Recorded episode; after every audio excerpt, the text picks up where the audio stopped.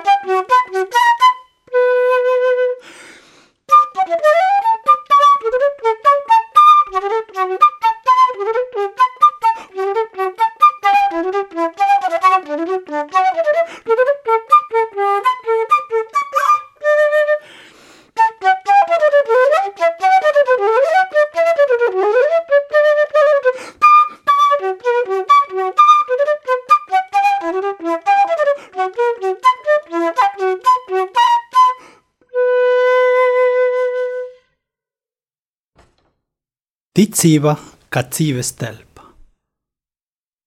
Tas ir skaistais temats, ko man pieteica Lolita Ergle no Rārsi šeit klātešosā kopā ar mums. Padomāsim kopā par šo vārdu salīkumu - ticība kā dzīves telpa. Ar ko mums tas saistās? Varbūt ar labsajūtu.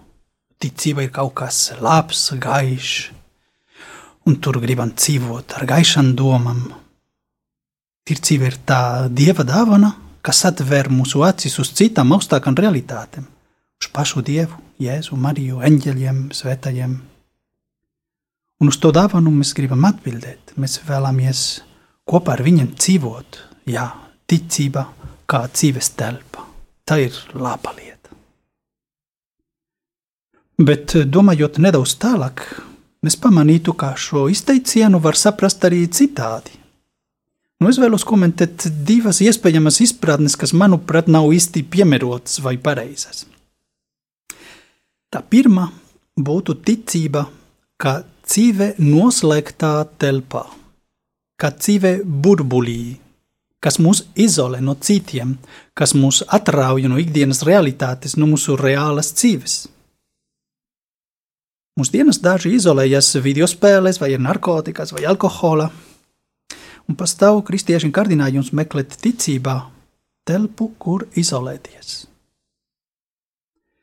Kā teica Zvaigznes Josemarija, šādiem cilvēkiem kristīgā dzīve ieauga dievnama sienās, proti, ja reiz tu esi kristietis, tev jāiet uz baznīcu, jāpiedalās svētās ceremonijās, jāiekļaujas kādā socioloģiskajā veidojumā, baznīcas paspārnē, nu, vārdu sakot, jādzīvo nošķirtā pasaule.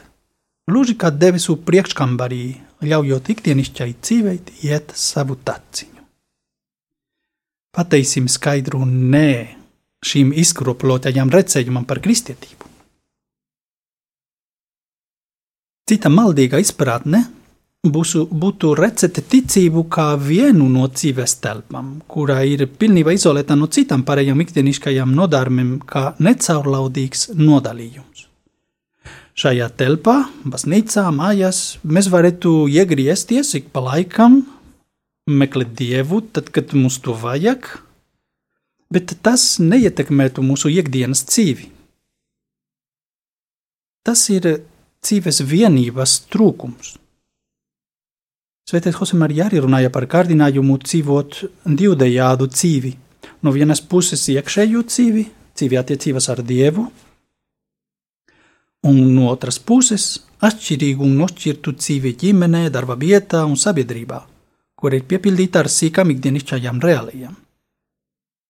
Jēl pretojieties tam, mani bērni, saka Svētais Hosemarija, mums neklājas dzīvot divdejādu dzīvi. Mēs nedrīkstam dzīvot kā šizofrēniķi ja vēlamies būt kristieši. Jo ir tikai viena dzīve, no miesas un gara veidota. Un šai dzīvei, dvēsele un miesā jātop svētai un pilnai no dieva, neredzama dieva, kuru sastopam visnotaļ redzamās un materiālās lietas. Mani bērni nav citāda ceļa, vai nu mēs spējam atrast kungu mūsu ikdienišķajā dzīvē, vai arī mēs viņu nekad nesastapsim. Labi, neskatoties uz uh, minētajām maldīgajām izpratnēm, tomēr izteiciens ticība, ka dzīves telpa ir interesants, domu rošinos, rosinošs. Mm. Viena veida, kā pareizi izprast šo iecienu, ir šāda. E, ja ticība ir dzīves telpa, tad bez ticības dzīvei telpiskuma nav tā būtu plakāna, divdimensionāla. Un tiešām ticība dod dzīvei telpiskumu, reliefu. Un klausīsimies, kā Zvētais Jose Marija izskaidro šo domu grāmatas ceļš 279. pantā. Mani bieži vien pārņem tāda sajūta, ka cilvēku dzīve noris tikai divās dimensijās. Tā ir gaužam piezemēta, Tikai tad, kad tu sāc dzīvot pārdavisku dzīvi, tu iemanto trešo dimensiju, kas tevi rada augstumā, dziļumā un apjomā izjūtu. Un arī grāmatas ceļš 575. pantā daži iet pa dzīvi kā pa tuneli, pat neapjaušot, cik spilgti spīd un kas silda ticības saule.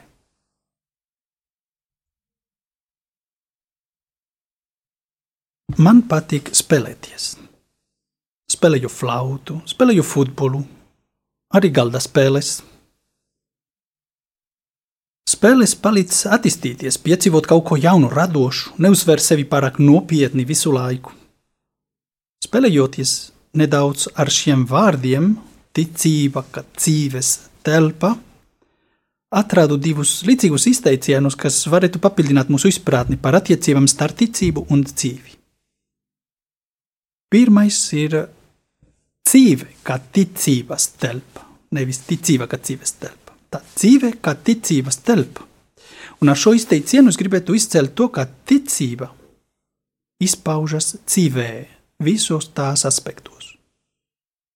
Mūsu ikdienas dzīve ir tā vieta, telpa, kurā ticība izpaužas, un kuru tā apgaismo un apgaro teicis Vētais Josemarija, ielagojiet labi, ikvienā ikdienišķā situācijā vienmēr ir apslēpts kaut kas svēts un dievišķs, ko jums ikvienam klājas atrast.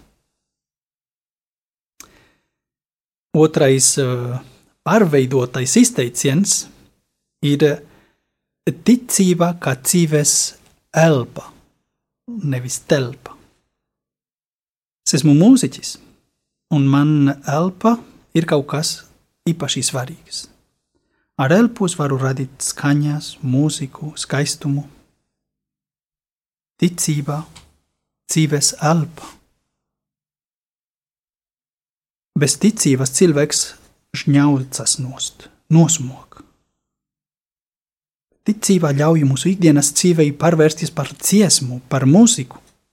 Pārliecība, ka Dievs ir, ka Dievs ir mīlošais tēvs, ka Jēzus mani mīl, dod elpojamus vaigu, nepiesārņotu atmosfēru dzīvei. Jā, ticība, ka dzīves elpa. Arī tā ievieš mūsu dzīvē jaunu skaņu, kas iepriecina, kas pievērš mūsu uzmanību uz pareizām lietām, uz citiem cilvēkiem. Ticības elpa rada to skaņu, kas mierina, kas rada harmoniju un saskaņu attiecībās ar sevi, ar, ar citiem un ar Dievu. Tagad es gribēju nelielu muzikālu pauzi piedāvāt jums, spēlējot uh, Pānis Anģelikus.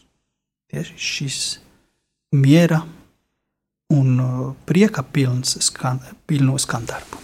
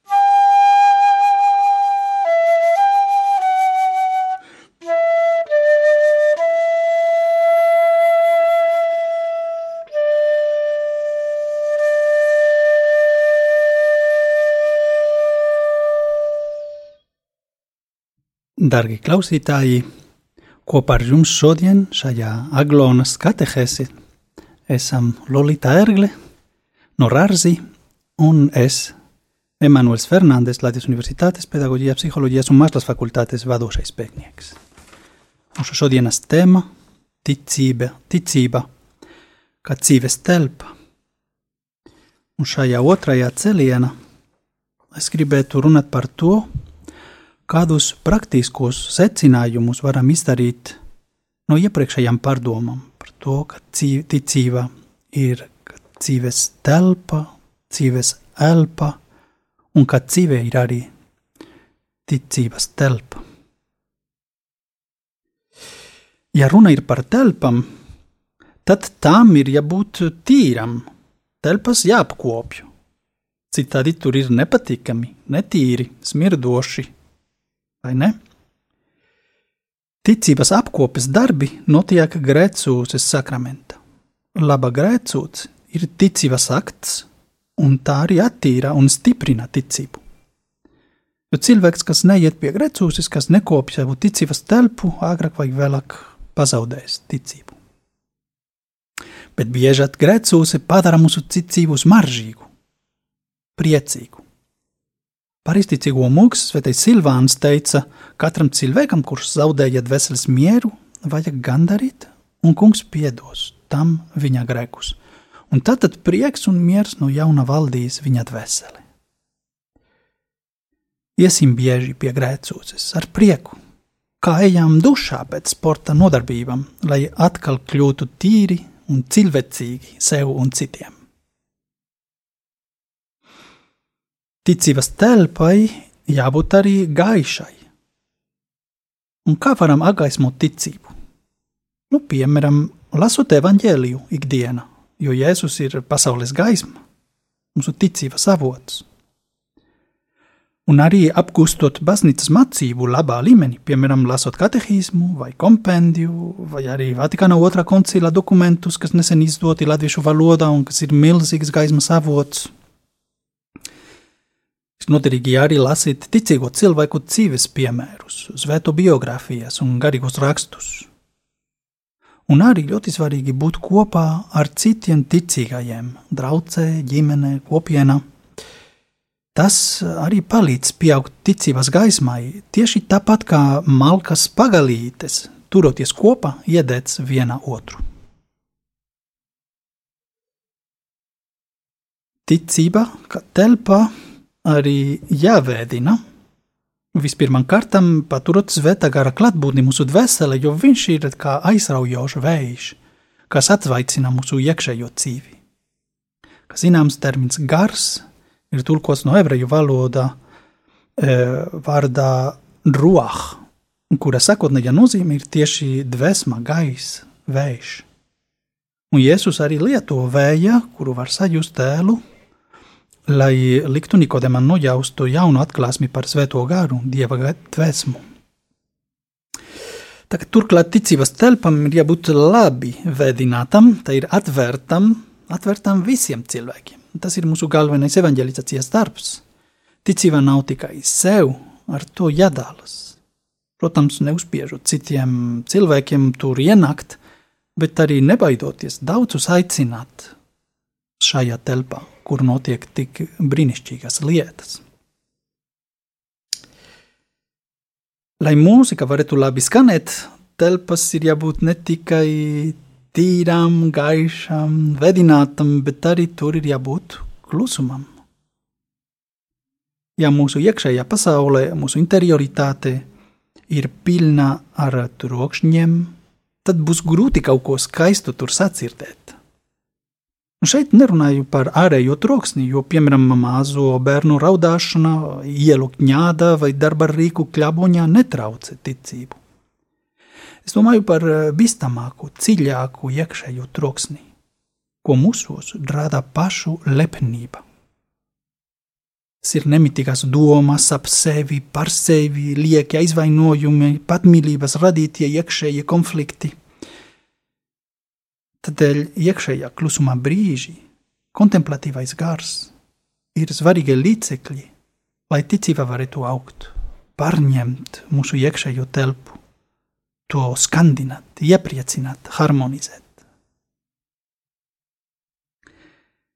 Lai telpa varētu labi skanēt, ir arī svarīgs tas iekārtojums, atbilstošas mēbeles ja mūsu dzīve būtu pilna ar ērtības, juteklības, ēdelības, miesas karības, tā kā mikstajām mēbelēm, ar patmīlības liekiem un bieziem aizkāriem, tad ticības skaņa varētu tikt noslāpēta.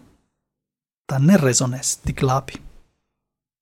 Ticībai vajag brīvu telpu, kur rezonēt, brīvu sirdi, bez liekas pieķeršanās šīm, šīm zemes lietām.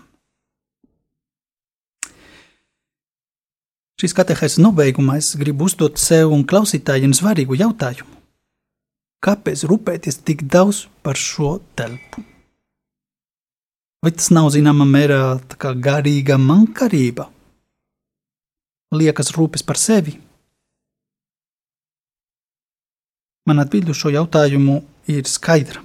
Ja tas viss ir domāts pamatā sev, savai ērtībai, iekšējai harmonijai un patikumu emociju radīšanai, tad tas nav tā vērts.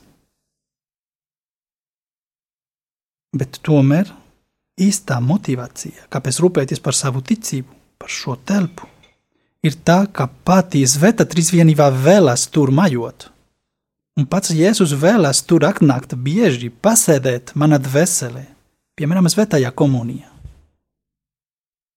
Ja tas viss ir domāts tam, lai Dievam, lai Jēzum ir patīkami būt mūsu dvēselē, mūsu dzīvē, lai viņš tur jūtas labi, mīlēts, gaidīts, tad jā, tam visam ir liela jēga. Un otras puses, Dievs arī jau negaidīs, lai mēs esam tīri un skaisti, lai tuvotos mums. Nē. Viņam patīk tieši pie grēciniekiem iet. Jēzum ir it kā apkopēja aicinājums. Viņam patīk tur, kur varbūt ir netīri, bet kur īpašnieks, katrs no mums, to atzīst un ir gatavs atvērt viņam durvis, lai viņš varētu apkopot un sakārtot šo mūsu dzīves telpu, jo mēs ticam uz viņu kā vienīgo pestītāju. Un tad, kā Pāvils Francisks rakstīja apakstiskajā pamudinājumā, evaņģēlīja gaudījuma sākumā, evaņģēlijā prieks piepilda sirdi un visu dzīvi tiem, kas sastopa Jēzu. Šajā aglonas divmātes svētku sagatavošanas laikā versīsimies pie jaunavas Marijas, ticības skolotāja, kas tika uzņemta debesīs un kur kopā ar savu dēlu mums sagatavo brīnišķīgu mājokli, kur kopā ar viņiem un visiem svētajiem dzīvosim mūžīgi slavējot Svēto Trīsvienību. Es ļoti ceru, ka es pats arī tur būšu un varēšu ar saviem skandarbiem slavēt Svēto Trīsvienību. Un tam vajag trenēties, tāpēc es arī jums šīs kategorijas izskaņa piedāvāšu jums pēdējo skandarbu. Viens uh, vācu komponista Kvanca koncerta pēdējā daļa Allegro.